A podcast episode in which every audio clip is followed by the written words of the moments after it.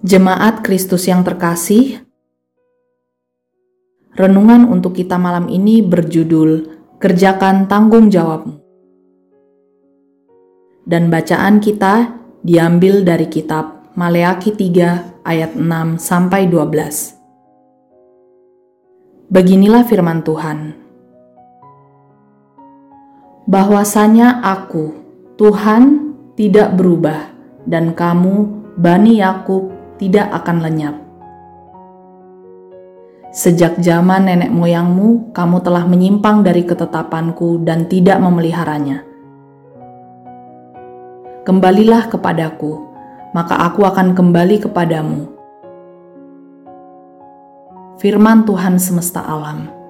Tetapi kamu berkata, dengan cara bagaimanakah kami harus kembali? Bolehkah manusia menipu Allah? Namun kamu menipu aku. Tetapi kamu berkata, dengan cara bagaimanakah kami menipu engkau? Mengenai persembahan persepuluhan dan persembahan khusus. Kamu telah kena kutuk, tetapi kamu masih menipu aku. Ya, kamu seluruh bangsa, bawalah seluruh persembahan persepuluhan itu ke dalam rumah perbendaharaan supaya ada persediaan makanan di rumahku dan ujilah aku. Firman Tuhan semesta alam. Apakah aku tidak membukakan bagimu tingkap-tingkap langit dan mencurahkan berkat kepadamu sampai berkelimpahan? Aku akan menghardik bagimu, belalang pelahap, supaya jangan dihabisinya hasil tanahmu dan supaya jangan pohon anggur di padang tidak berbuah bagimu firman Tuhan semesta alam. Maka segala bangsa akan menyebut kamu berbahagia, sebab kamu ini akan menjadi negeri kesukaan, firman Tuhan semesta alam.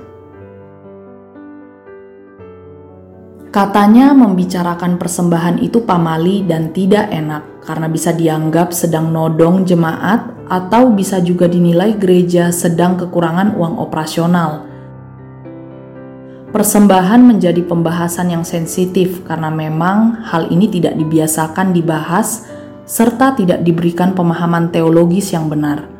Banyak orang berpikir bahwa persembahan selalu tentang pajak warga gereja.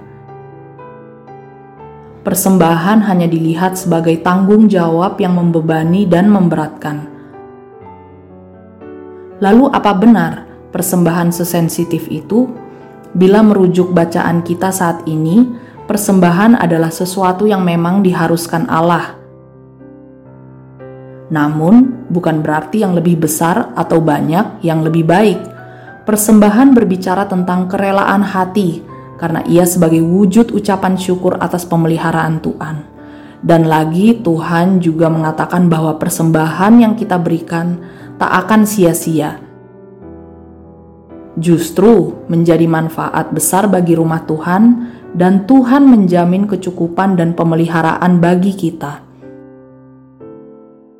Jadi, memberi persembahan tak akan membuat kita miskin atau kekurangan. Justru saat kita memberikan dengan kerelaan hati dan ucapan syukur, berapapun jumlahnya, itu akan menyukakan hati Tuhan, sekaligus mendatangkan pemeliharaan bagi kita.